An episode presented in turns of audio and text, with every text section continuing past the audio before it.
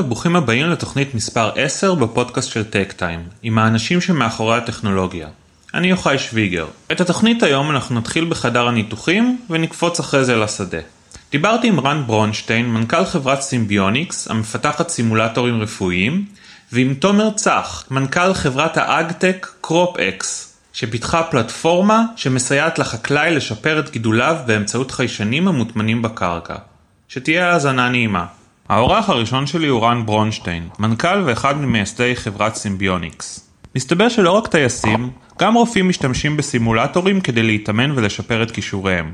חברת Simbionix, שהוקמה עוד בשנות ה-90, פיתחה משפחה של סימולטורים רפואיים שמאפשרים למתמחים ולרופאים כירורגים להתאמן בסביבה וירטואלית על פרוצדורות זעיר פולשניות שבהן משתמשים באנדוסקופ, כמו הסרת כיס מרה, הוצאת פוליפ, קיצור קיבה ובדיקות כמו גסטרוסקופיה, ארתרוסקופיה ועוד. באמצעות מנועים אנטומיים ופיזיולוגיים ואלגוריתמים של למידת עומק, הפלטפורמה של החברה מדמה איברים פנימיים כמו חלל הבטן, ריאות, כלי הדם ואפילו המוח ומספקת לרופא המתאמן את התחושות המוחשיות של הפרוצדורה. לפני מספר שנים נרכשה Simbionix על ידי ענקית מדפסות התלת מימד 3D Systems והיא כיום פועלת תחת חטיבת ה medical שלה. דיברתי עם רן על היתרונות של שימוש בסימולטורים כחלק מהכשרת רופאים, על האקזיט והמיזוג לתוך חברת ענק וגם שאלתי אותו איזה איבר הכי קשה לסמלץ.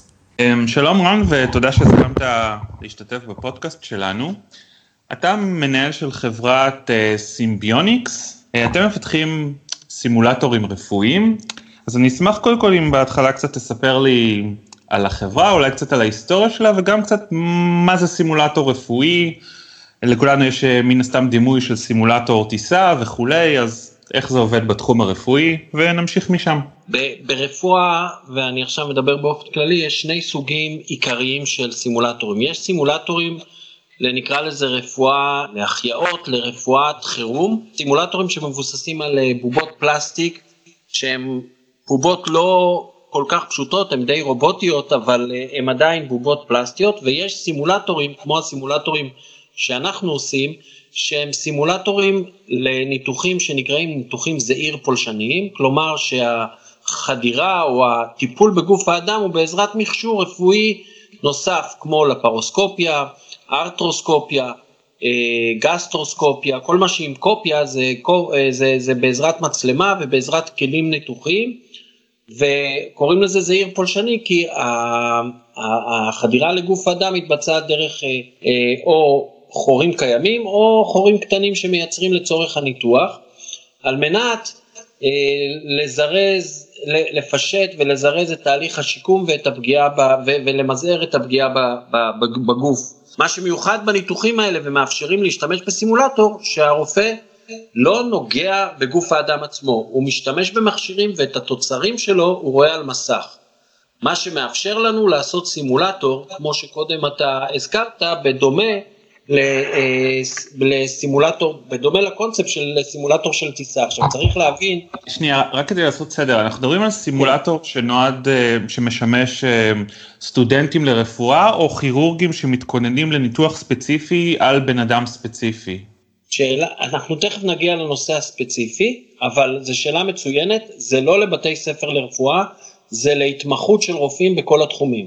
רופא okay. אוקיי. שהוא מסיים את בית ספר לרפואה הוא מגיע לבית חולים, ואז הוא צריך לעשות התמחות, זה שנים מאוד מורכבות עבור הסטאג'ר או הרופא, ודרך אגב הסימולטורים הם דרך מאוד יעילה לאמן מתמחים, אה, כי אה, אם אנחנו נדבר על אלטרנטיבות, אז האלטרנטיבות לאימון הם או חיות, או גופות, או חולים עצמם, כלומר אנחנו רוצים שהרופאים שלנו יהיו מאומנים, ואנחנו רוצים גם שהם יתחזקו את הכישורים שלהם לאורך השנים, אה, חשוב מאוד שהם יתאמנו, אבל מהיום שיש, אה, מהרגע שיש, אה, בוא נקרא לזה תחליף שהוא ממוחשב והוא מבוסס על מחשב, אז זה ברור שזה עדיף על פתרונות שהם או לא דומים לגמרי לגוף האדם כמו חיות, או לא הומניים כמו גופות או חולים או כל דבר שהוא, ומכל שיקול הגיוני עדיף להתאמן על סימולטור ממוחשב.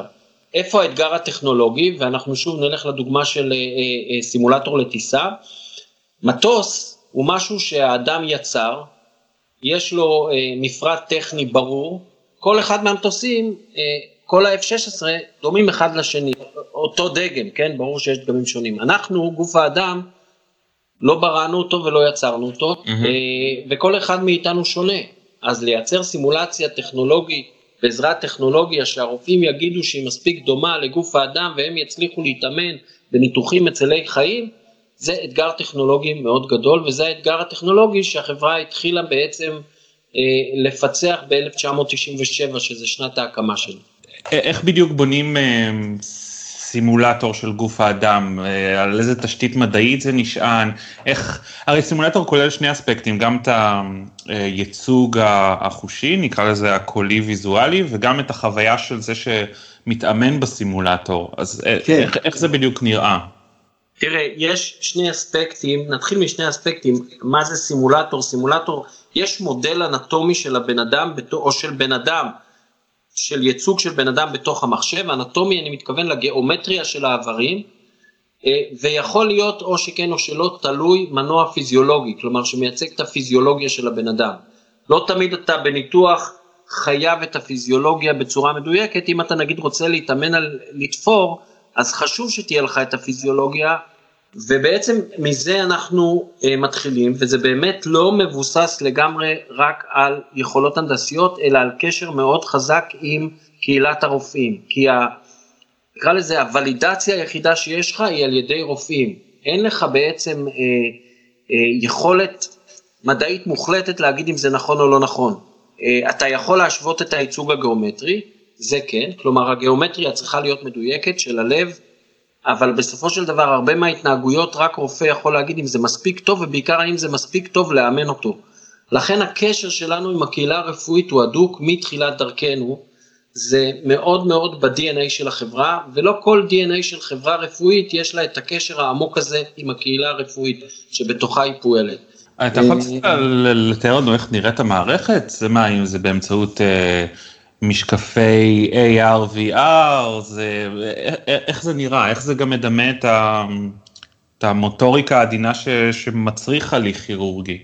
הרבה פעמים אנשים אחרי שהם מבקרים פה, הם אומרים וואו, לא האמנו שיכול להיות דבר כזה. אה, נורא קשה לתאר את זה, אבל בגדול אנחנו צריכים לתאר את סביבת הניתוח של הבן אדם. כלומר, אם זה לפרוסקופיה, הוא צריך להחזיק ביד כלים לפרוסקופים ולהשתמש במשהו שמדמה את המצלמה, לא, זה לא משקפי VR ו-AR, למרות שגם זה אנחנו משתמשים, אבל תכף זה תוספת, אני מדבר על הבסיס. הבסיס הוא מכונה שמדמה ייצוג פיזי של ניתוח כלשהו, אם זה לפרוסקופיה, אז יש לו את הכלים על הפרוסקופים, אם זה צנתורים, אז יש לו ביד קתטרים אמיתיים.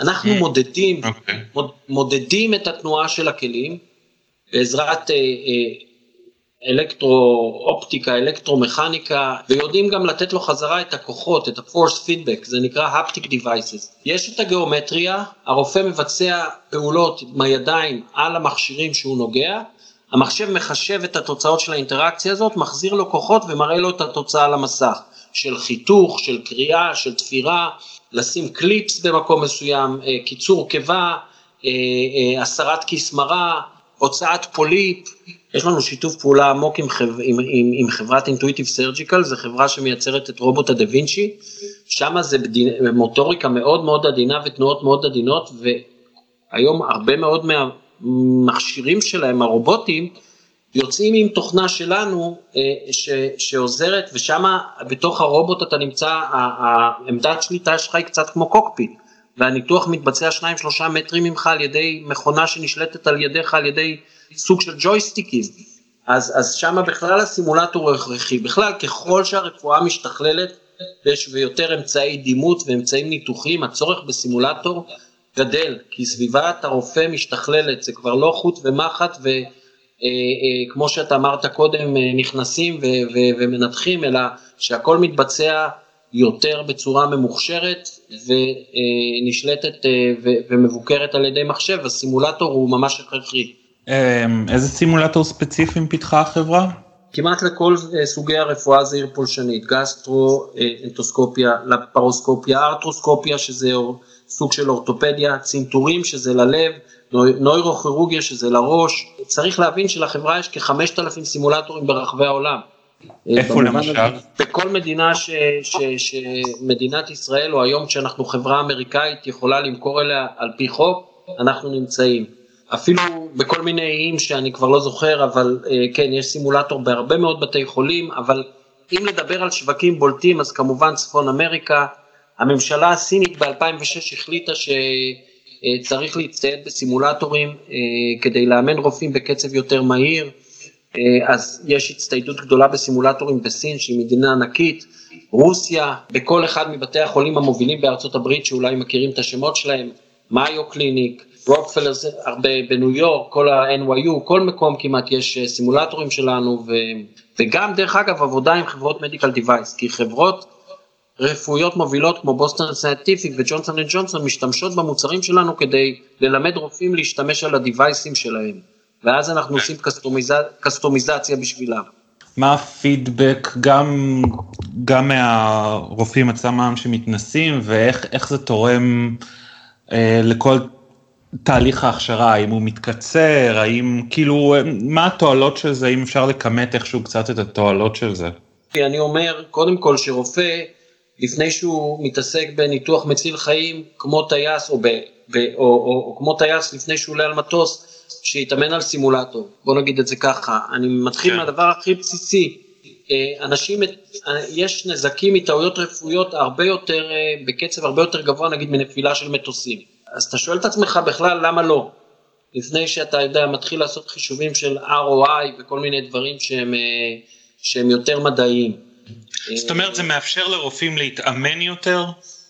להתאמן יותר, דרך אגב, לבצע גם מקרים שהם, תחשוב שרופא, נקרא לזה נגיד נחיתת חירום, טייס אתה לא רוצה שבפעם הראשונה הוא יתאמן על נחיתת חירום כשאתה תהיה בנחיתת חירום הזאת. כן. אז אם יש מקרה אתה בא, בדרך כלל רופאים מתאמנים, יש להם יכולת להתאמן, נניח שהם מתאמנים על חולים, אז יש להם יכולת להתאמן על המקרה הרגיל, אבל אם עכשיו מגיע מקרה מיוחד לבית חולים, אז אתה לא רוצה שזה יהיה פעם ראשונה שהוא יעשה את זה על החולה, אתה רוצה, בסימולטור אתה יכול ליצור לו מקרים מיוחדים, אתה גם עוקב אחרי כל הביצועים שלו, אתה עוקב אחרי ההתקדמות שלו, אה, אתה, הוא יכול מתי שהוא רוצה לגשת לסימולטור ולהתאמן, יש לו תכנות לימוד, תוכנית לימוד, הסימולטור עקב אחריו, לא צריך את המומחה שישב לידו ויגיד לו זה טוב, זה לא טוב, מה שהרבה פעמים קורה, זה גם חוסך זמן לרופאים המומחים. יש לזה הרבה מאוד יתרונות על פני השיטה הישנה והטובה שנקראת uh, C1, do one או do one, C1, תסתכל על מה שאני עושה ותעשה כמוני, בוא נגיד את זה כן. ככה. יש... איברים פנימיים או אזורים פנימיים שיותר קשה לסמלץ מאשר אזורים אחרים? נגיד, לא יודע, הרשתית לעומת הלב או ה... שאלה, שוב, גם מעניינת וגם נכונה. בוא נתחיל מזה שכל מה שהוא ריג'ידי יותר קל לסמלץ, מבחינת הנראות, עצמות, אה, דווקא המוח שדברים בו לא זזים בצורה מאוד, אה, למרות שיש לכל דבר יש את המורכבות שלו, כשאתה מדבר עם עצמות אז הרבה יותר קל לעשות לזה מה שנקרא ויזואליזציה, אבל הפורס פידבק הוא יותר קשה כי המגע הוא כן. יותר קשיח. Uh, הראש גם כן הוא איבר יחסית סטטי, אבל uh, דיוק בו הוא חשוב כי הגדלים מאוד, uh, מאוד uh, קטנים. אבל באמת האזור שהכי קשה לסמלץ זה חלל הבטן, בגלל שהכל שם מאוד דינמי וקשה מאוד לחזות מה יקרה. יכולים להיות דימומים מכל מיני סוגים ומכל מיני מקומות. למשל, מערכת הכלים הדמיים, הווסקולריה, היא יותר קלה, כי בסופו של דבר מדובר בצינורות, מארג של צינורות שהם יחסית סטטיים, אז יותר קל לדמות בהם. החברה שאתה מנהל נקראת Simbionix, שלמעשה אה, נרכשה לפני מספר שנים על ידי חברה מאוד גדולה בתחום ההדפסות תלת מימד, 3D Systems, אז רציתי קודם כל אם תוכל קצת אה, לתת לנו איזה סקירה קצת היסטורית בסופו של דבר מדובר באיזושהי חברת סטארט-אפ שקרה מחלק מתאגיד גדול אז רק איך אה, תספר לנו קצת על ההיסטוריה של החברה כן. וגם למה לצורך העניין מה היה הרציונל של 3D Systems שהיא חברה שוב בתחום ההדפסות התלת מימד ברכישת חברה כמוכם זה קצת מעניין. כן. תראה, קודם כל החברה הוקמה ב-1997, Simbionix כחברת חממה בחממת רד רמות, בכלל אה, כחלק מפרויקט החממות, אה, הוקמה על ידי שלושה אנשים, אה, דוד ברקאי, עדנה חוזק ואנוכי, ו, וזהו, והתחילה להיות פעילה בתחום הזה של סימולטורים רפואיים, הייתה בין החברות הראשונות אה, שנכנסו לתחום הזה, כמה חברות מכל מיני מקומות בעולם, כולל ישראל, מבערך 2006, אה, כלומר כתשע שנים אחרי הקמתה היא הפכה להיות רווחית. אה, ב-2007 התחלנו לפתח, ואתה התייחסת לזה קודם, מה שנקרא patient specific simulation, שהסימולציה היא כבר לא על מקרה גנרי, אלא באמת לוקחים MRI או CT של בן אדם אמיתי, ובעזרת תהליכים של Deep Learning, או אז עוד לא היה Deep Learning, אחרי זה התווסף ה-Deep Learning, אבל נקרא לזה בעזרת תהליכים של עיבוד תמונה ואלגוריתמים, מפצחים את האנטומיה של הבן אדם, כלומר מחליטים ועושים סגמנטציה מה שנקרא, ומכניסים את זה אוטומטית לסימולטור. ואז באמת רופא יכול כבר להתאמן על מקרה ספציפי, או יכול להתכונן לניתוח על מקרה ספציפי, או יכול לתכנן מקרה ספציפי.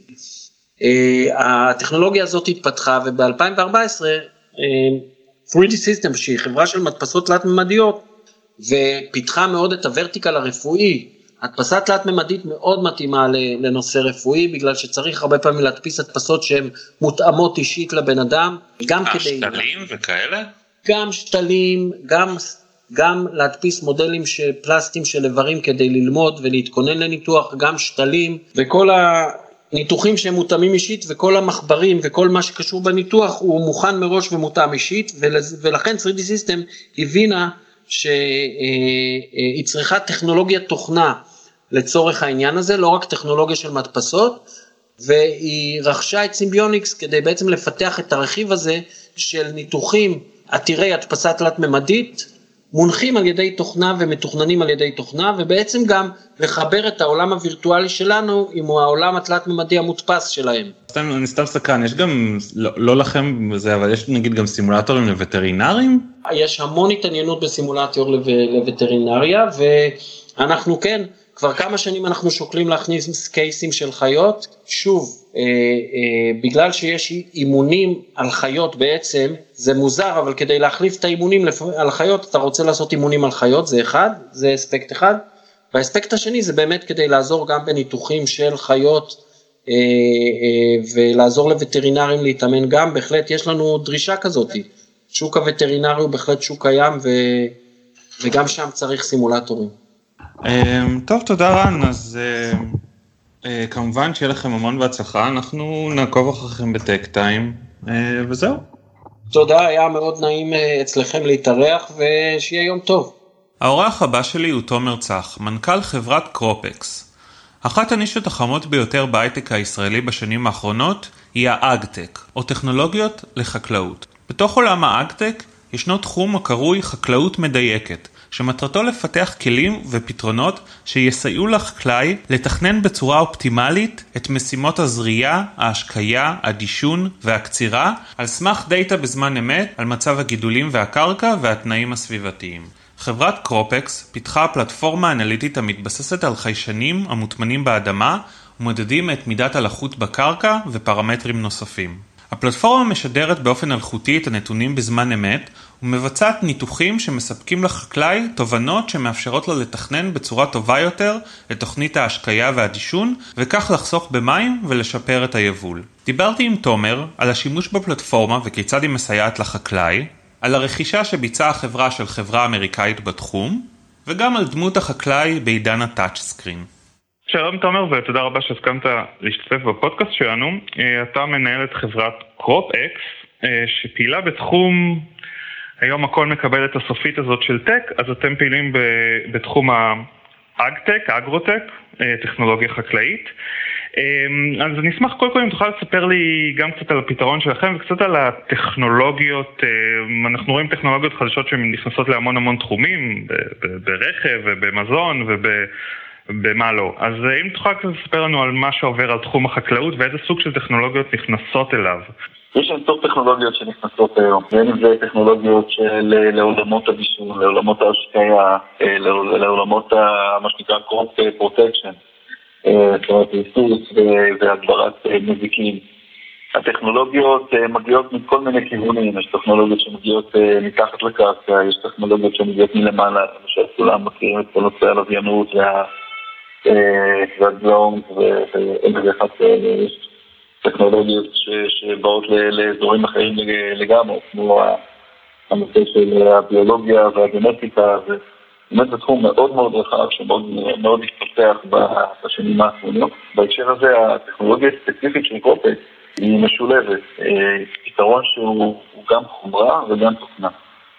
בצד של החומרה יש לנו בעצם חיישן קרקע שפיתחנו, שחש לחות קרקע, מליחות קרקע, טמפרטורה, הוא מותקן בעצם בצורה מאוד מאוד פשוטה על ידי החקלאי, לוקח את המידע ומשדר אותו לענן, ושם זה מתקבל לצד התוכנתי שלנו, ששם אנחנו בעצם מחברים את כל השכבות מידע, יש לנו לתוך המערכת אנחנו אוספים מידע מלוויינות, מידע של מזג אוויר, מידע טופוגרפי, מודלים של גידול, וכמובן את המידע בזמן אמת מהחיישנים עצמם, ומחברים את כל הדבר הזה, ובעזרת זה מצליחים להביא לחקלאים הרבה ערך, בעיקר בעולמות ההשקיה ולאחרונה גם בדישון, בעצם אומרים להם מתי להשקות, איפה להשקות, כמה להשקות, בצורה יותר טובה, והיום אנחנו יכולים בצורה אוטומטית להתחבר למערכות השקעה עצמה ובעצם לשלוט, לשלוט בשדה, בעצם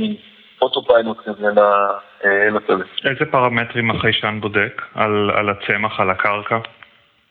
אז החיישן בודק על, על הקרקע עצמה, שזה בעצם שלושת הפרמטרים שאמרתי, לחות, זאת כמות המים בקרקע, מליחות בקרקע, שבעצם את זה אנחנו יודעים לחבר לעולמות הדישון, וטמפרטורה.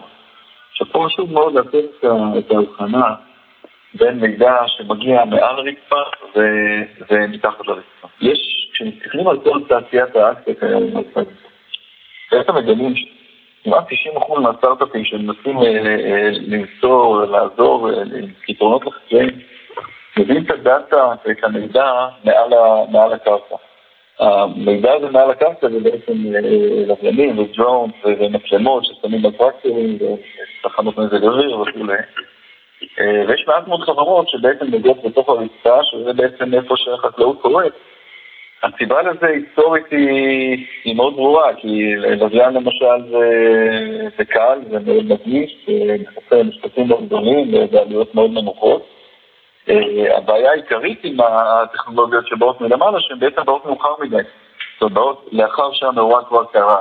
אנחנו מסתכלים על צמח שלא מקבל דישון בצורה מיטבית. אז צמח כזה בעצם יונק כל מה שהוא יכול מבית השורשים ומהגיהות, ועד שהוא מתחיל בכלל להראות משהו על העלים, הרבה פעמים יכולים לעבור שבועיים וזה כבר too late. דברים אי אפשר בעצם להגיב ולהציל את הצמח הזה. אותו דבר גם לגבי השקיה, וכדי מתוך הרצפה ומתוך הקרקע, אנחנו בעצם יכולים למנוע מהדברים לקרות. אז אנחנו יודעים שהצמח לא הולך לקבל מספיק מים למשל לפני שהצמח יודע, כי אנחנו יודעים מה יש בקרקע. היסטורית, אנשים לא, לא ניגשו לתוך הרצפה או ניסו ולא הצליחו, כי זה פשוט היה קשה מדי. חיישנים זה... חיישנים הרבה יותר קשה להגיע גם לבעצם סקיילביליות, כמו שאפשר להגיע מלוויין, יש המון... יש המון שונות בקרקע, שזה משהו שצריך לפתור. הנושא הזה של לחבר חיישנים לענן זה גם אתגר מאוד משמעותי, במיוחד באזורים שהם אזורים כן, לא מיושבים ומרוחקים, אז בדרך כלל הקליטה הסלולרית היא פחות טובה. יש בדרך כלל גם הפרעות מהרצפה ומהגידול עצמו שגדל מעל החיישן, ובעיות של גיוס וכולי, וכל הבעיות האלה בעצם קרופקס חרתה בגלל לפתור, ובעצם הצלחנו היום לפתח חיישן שהוא עונה על כל הצרכים האלה, זאת אומרת, גם סקלבילי מבחינת הפשטות של ההתקנה שלו, וגם מבחינת העלות שלו לעקר, וגם יודע להתחבר לכל מקום, הוא גם מאוד מדויק במידע שלו. איזה שטח מכסה כל חיישן? אז זה בעצם שאלה מאוד טובה, אנחנו היום עם חיישן בממוצע מצליחים לכסות משהו כמו כמעט 50 דונם. הדרך שאנחנו עושים את זה, זה על ידי בעצם, או זה בעזרת הטכנולוגיה מהצד של התוכנה, כי אנחנו מראש התוכנה מזהה איפה, לפי השונות של הקרקע, איפה נכון לשים את החיישנים, היא בעצם מצליחה לעשות לימוד נכונה ביניהם, כיוון שיש לנו המון נתונים שנכנסים למערכת, כמו טופוגרפיה וכולי, אז הם מצליחים לעשות אקסטרפולציה ולהגיע לרמת דיוק מאוד טובה של 90 ומשהו אחוז, גם בין החיישנים. אז אנחנו גם מצליחים להתקין פחות חיישנים ובעצם בעזרת תוכנה לגשר ביניהם, וגם בלי קשר, החיישן עצמו, אה, מבחינת העלויות ניסוי שלו, אה, הטכנולוגיות הן מאוד מאוד מתקדמות, אנחנו רוצים להגיע לבערך רבע מהעלות אה, של המתחרים רק בחומרה עצמה. והפתרון הזה תקף לכל סוגי הגידולים, מבננות ועד עגבניות וקנאביס לצורך העניין, או ש... כן, כן, החיישן הוא חיישן, הוא חיישן קרקע, ובעצם כל הנושא של השכבה האגרונומית היא בעצם קיימת בתוך התוכנה, והיום אה, יש לנו אה, כבר אה, מודלים של גידול, יותר מ-100 גידולים שונים. המערכת היא מאוד רובוסטית, אז הוספה של גידולים נוספים היא, היא לא כל כך מסובכת. אז כן, המערכת היום תומכת כמעט בכל, כמעט בכל גידול אפשרי בהקשר הזה. והיא צוברת מה שנקרא ביג דאטה, וכלומר היא משתפרת עם הזמן? כן, אני חושב שהמונח שאתה מתכוון זה, זה האם יש פה בעצם network effect. network effect בעצם מוסבר אוקיי. אה, על ידי זה שאתה בעצם בא ואומר שעם כל חיישן נוסף שפוגע באדמה וכל user נוסף שמשתמש במערכת, האם המערכת לומדת ומשתפרת, והתשובה היא חד משמעית כן. היום אנחנו כבר מצליחים, אה, אה, יש לנו כבר כמות מידע כזאת שמאפשרת לנו אפילו לעשות במקומות מסוימים מה שאנחנו קוראים לו סנסור, זאת אומרת, כבר לתת תובנות לחקלאי עוד לפני שהוא אפילו שם אה, חיישנים ברצפה, כי, כי אנחנו פשוט יודעים לומר שחקלאי שיש לו כבר אה, אה, קרקע מסוימת ואנחנו יודעים בדיוק איפה זה ואנחנו לומדים לפי המיפוי וכולי, אנחנו כבר יכולים לתת לו ערך מסוים לפי מה שהמערכת למדה ממקומות אחרים עוד אפילו לפני פגעה ברצפה.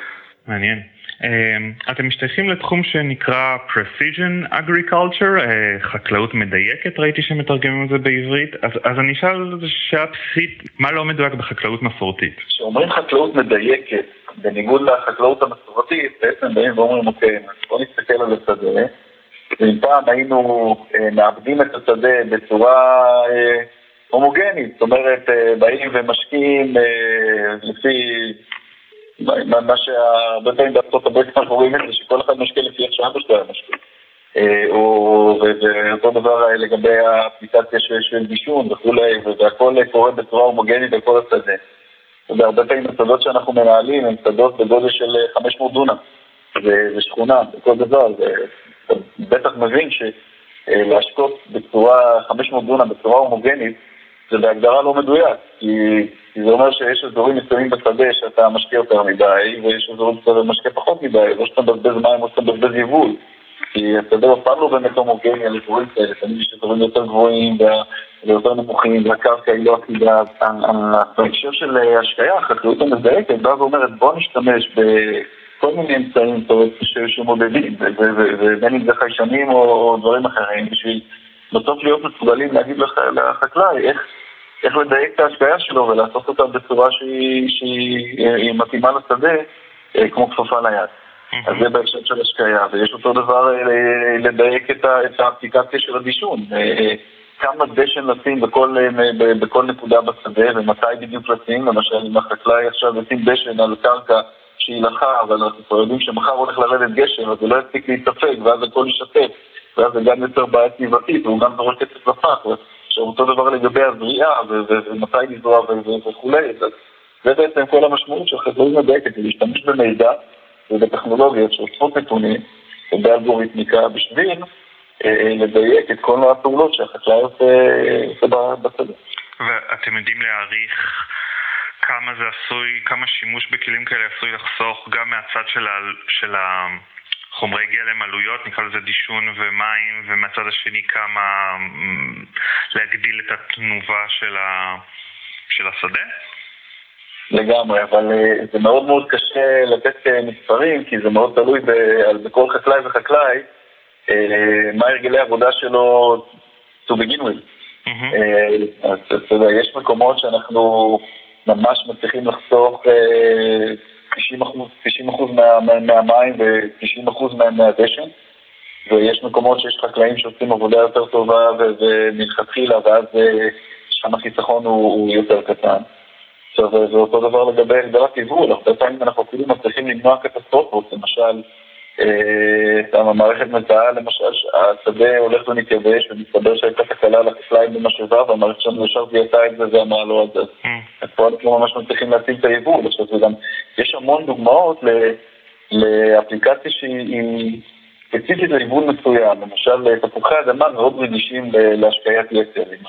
אם משקיעים תפוחי אדמה יותר מדי, אז הם בעצם מרכבים וזה פוגע ביבול. ופה אנחנו מצליחים אה, ממש לשמור את החקלאים באזור הנכון.